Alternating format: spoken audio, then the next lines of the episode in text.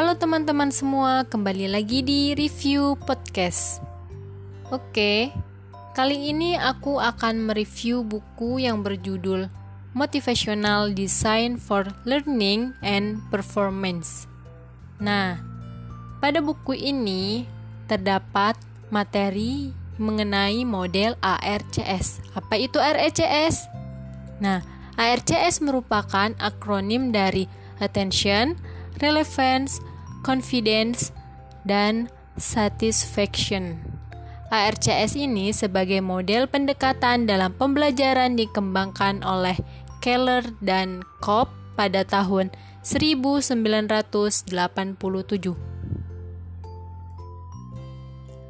Model ARCS berakar pada banyak teori dan konsep motivasi. Khasnya adalah teori harapan, nilai atau bisa disebut dengan expectance atau value.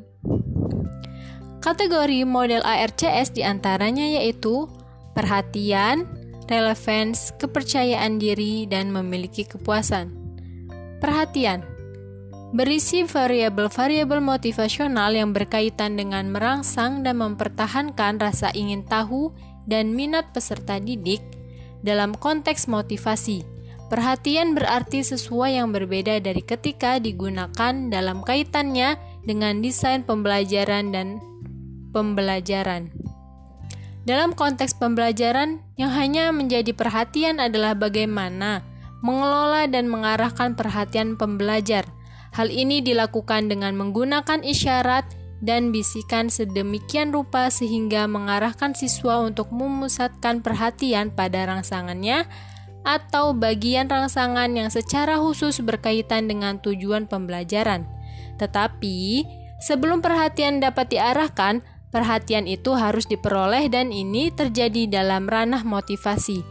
Jadi, perhatian motivasional adalah untuk mendapatkan dan memperhatikan perhatian. Kemudian yang kedua yaitu relevansi.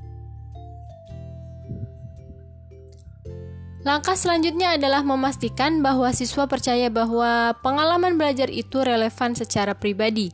Siswa mungkin mengajukan pertanyaan relevansi klasik.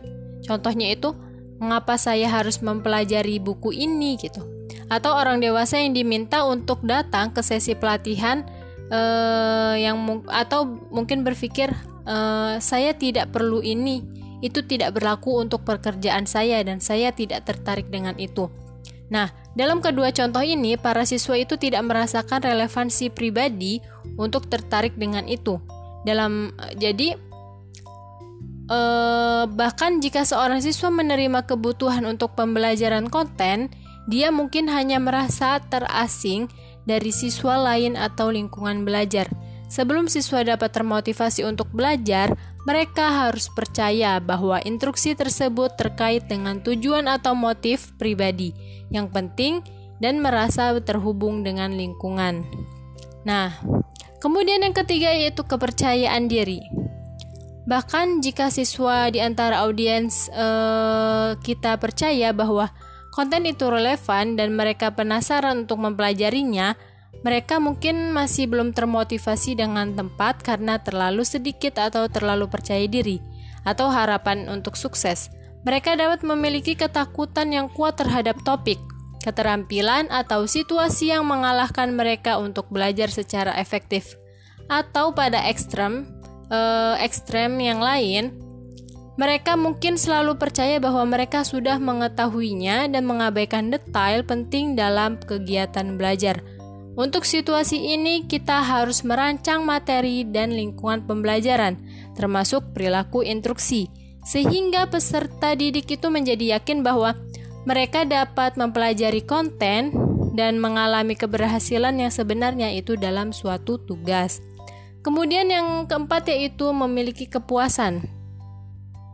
Jika teman-teman itu berhasil mencapai ketiga tujuan motivasi pertama ini, yaitu perhatian, relevansi, dan kepercayaan diri, maka teman-teman akan termotivasi untuk belajar. Selanjutnya, agar eh, teman-teman uh, memiliki kepercayaan, memiliki keinginan yang terus-menerus untuk belajar, teman-teman harus memiliki perasaan yang puas terhadap proses atau hasil dari pengalaman belajar tersebut. Kepuasan dapat dihasilkan dari faktor eksternik dan, inters dan intersik. Faktor eksternik sudah sangat kita kenal, mereka termasuk nilai, peluang untuk kemajuan, sertifikat, dan penghargaan materi lainnya. Kemudian faktor in, e, intrinsik yaitu meskipun sering diabaikan juga bisa sangat kuat. Orang suka mengalami pencapaian yang meningkat perasaan harga diri mereka mengalami interaksi positif dengan orang lain, pandangan mereka didengar dan dihormati, dan dari menguasai tantangan yang meningkatkan perasaan kompetensi mereka. Nah, di sini ada langkah-langkah dalam proses desain motivasi yang pada pada ARCS tersebut. Di antaranya itu yang pertama mendapatkan informasi khusus. Kemudian yang kedua yaitu mendapatkan informasi audiens, menganalisis audiens, menganalisis kebutuhan belajar, daftar tujuan penilaian, daftar strategi potensi, pilih strategi desain, kemudian yang kedelapan mengintegrasi dengan instruksional, yang kesembilan pengembangan bahan, dan yang terakhir yaitu evaluasi dan revisi. Nah, di situ 10 langkah dari motivasi ARCS ini. Kemudian ARCS dan ISD, yaitu perbandingan dari titik demi titiknya. Keterbatasan pendekatan Oki dari Santiago adalah bahwa hubungan antara proses desain motivasional dan instruksional didefinisikan hanya secara longgar. Namun, mungkin lebih tepat dalam menggambarkan antar muka, yaitu antar 10 langkah dalam proses desain ARCS dan proses desain instruksional. Nah, yang lebih tepat itu dari 10 langkah ini bisa di apa ya namanya? Bisa digambarkan dengan antar muka. Nah, di antaranya itu antar muka yang pertama yaitu tujuan instruksional dan deskripsi kursus. Dalam desain instruksional, output dari analisis tujuan pencapaian deskripsi situasi saat ini, deskripsi situasi yang diinginkan dan daftar kesenjangan antara keadaan sekarang dengan keadaan teman-teman semua. Dan secara khusus output dari analisis tujuan menggambarkan jenis kompetensi terkait dengan pekerjaan yang harus diawali dalam angka maksudnya dalam angkatan kerja agar organisasi dapat mencapai tujuannya. Kemudian antarmuka yang kedua yaitu karakteristik perilaku masuk dan deskripsi audiens. Dari dua produk utama yang diharapkan pada tahap ini mengidentifikasi perilaku dan karakteristik entry yaitu salah satunya adalah seperangkat perilaku atau keterampilan entry yang diidentifikasikan yang seharusnya itu sudah dikuasai oleh audiens, yaitu targetnya sebelum memulai instruksi. Kemudian yang lainnya adalah pengetahuan umum tentang karakteristik siswa. Mengidentifikasi, perilaku masuk adalah penting karena akan memberi ke e, desainer motivasi itu lebih banyak ide atau menangani motivasi pelajar terutama kepercayaan diri. Jadi terutama itu tentang kepercayaan diri. Kemudian antar muka yang ketiga yaitu analisis instruksional dan audiens analisis motivasi. Dan produk ini bisa sangat spesifik dengan daftar rinci langkah-langkah dalam satu proses atau presentasi hierarki, konsep dan keterampilan tingkat tinggi dan rendah yang akan disertakan.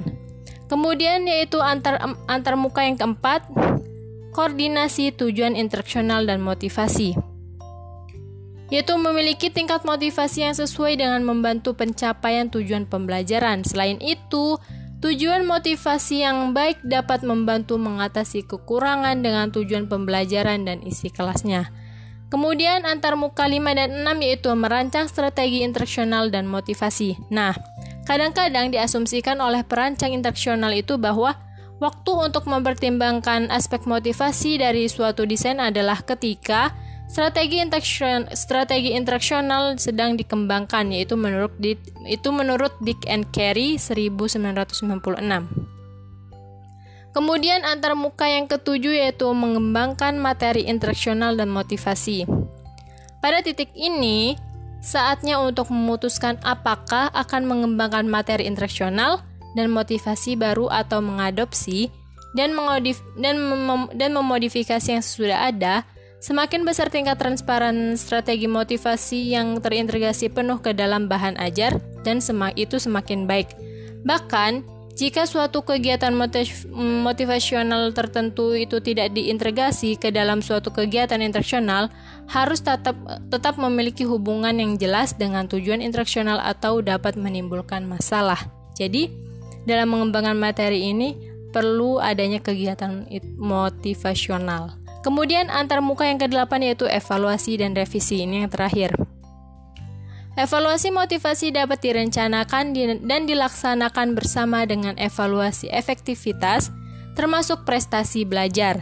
Namun, ketika menerapkan rencana yang terbaik adalah melakukan tes pre prestasi sebelum survei motivasi dibagikan. Jadi, dalam evaluasi revisi ini yang terbaik dilakukan yaitu melakukan tes prestasi dan itu sebelum survei motivasi itu dibagikan. Kemudian integra, integra, uh, integrasi desain motivasi dengan desain instruksional, yaitu proses desain motivasi secara struktural itu mirip dengan proses desain instruksional tradisional dan ada beberapa upaya untuk menggambarkan bagaimana mereka dapat dikoordinasikan, yaitu menurut Keller. Menggambarkan cara mengordinasikan mereka dengan menggambarkan bagaimana sebagai besar kegiatan yaitu dalam dua proses dapat dilakukan secara paralel. Secara paralel. Model desain instruksional yang digambarkan pada uh, table buku ini yaitu cukup umum khususnya dalam hal urutan langkah beberapa model membedakan antara definisi dan analisis sebagai fase yang lain menempatkan tujuan di bawah desain alih-alih tentu, tentukan atau analisis. Jadi uh, dalam tabel buku ini analisis motivasi audiens itu dapat dilakukan bersama dengan kegiatan analisis dalam proses desain instruksional. Meskipun desainer individu akan mengadapt mengadaptasi model agar sesuai dengan gaya dan situasi mereka, Analisis motivasi ini biasanya akan terjadi setelah melakukan ana analisis instruksional. Jadi setelah mengidentifikasi kumpulan pengetahuan atau keterampilan umum yang seharusnya dipelajari siswa, sekarang saatnya untuk memperkirakan sikap motivasional mereka terhadap materi. Informasi latar belakang tentang audiens mungkin telah diperoleh sebelumnya ketika melakukan analisis pekerjaan atau tugas. Kemudian antarmuka selama fase desain dan pengembangan lurus ke depan dan melibatkan aktivitas paralel tetap berbeda. Pengecualiannya, pengecualiannya itu adalah pengujian perkembangan yang merupakan kegiatan evaluasi formatif. Draft bahan ajar termasuk peningkatan motivasi dipetasikan kepada para ahli dan perwakilan dari populasi sasaran untuk mendapatkan umpan balik tentang akurasi. Jadi selama uji coba atau uji coba kelompok kecil, seluruh paket diimplementasikan dan dievaluasi secara formatif. Tingkat kritis ini di sini adalah untuk memasukkan penilaian formal dengan dari efek motivasi dari instruksi di samping ukuran pembelajaran dan kinerja. Ini biasanya dilakukan dengan jenis tindakan laporan diri, wajah tersenyum yang sederhana. Nah, ini bisa berharga, tetapi nilainya akan ditinggikan dengan membuatnya sesuai dengan area masalah kritis motivasi, seperti yang didefinisikan selama analisis audiens. Dan poin terakhirnya itu adalah bahwa hubungan antara dua urutan pada tabel tersebut yaitu tidak boleh dilihat sebagai resep formal, bahkan hubungan yang digambarkan mungkin lebih mewakili ahli daripada desain permula. Seorang desainer pemula, terutama yang tidak pernah memberikan banyak pemikiran untuk desain motivasi sistematis, dapat memilih untuk menyelesaikan semua langkah desain instruksional sebelum bekerja pada tantangan peningkatan motivasi. Hal ini memungkinkan perancang untuk menilai seluruh paket instruksional dalam hal daya tariknya kepada audiens, dan targetnya untuk meningkatkan suatu kebutuhan dengan pengalaman menjadi lebih efisien dan efektif untuk menggabungkan dua proses. Nah, pendekatan dari perbedaan itu yaitu menyadari kurangnya perhatian motivasi dan desain pembelajaran. Kemudian e, diusulkan bahwa motivasi dapat diintegrasikan ke dalam desain pembelajaran seperti yang ditunjukkan pada tabel tersebut Dan pendekatan ini perancang internasional perlu menyak perlu menanyakan komponen dari ARCS tersebut. Nah, mungkin itu saja yang dapat aku share kepada teman-teman semua. Semoga bermanfaat. Terima kasih.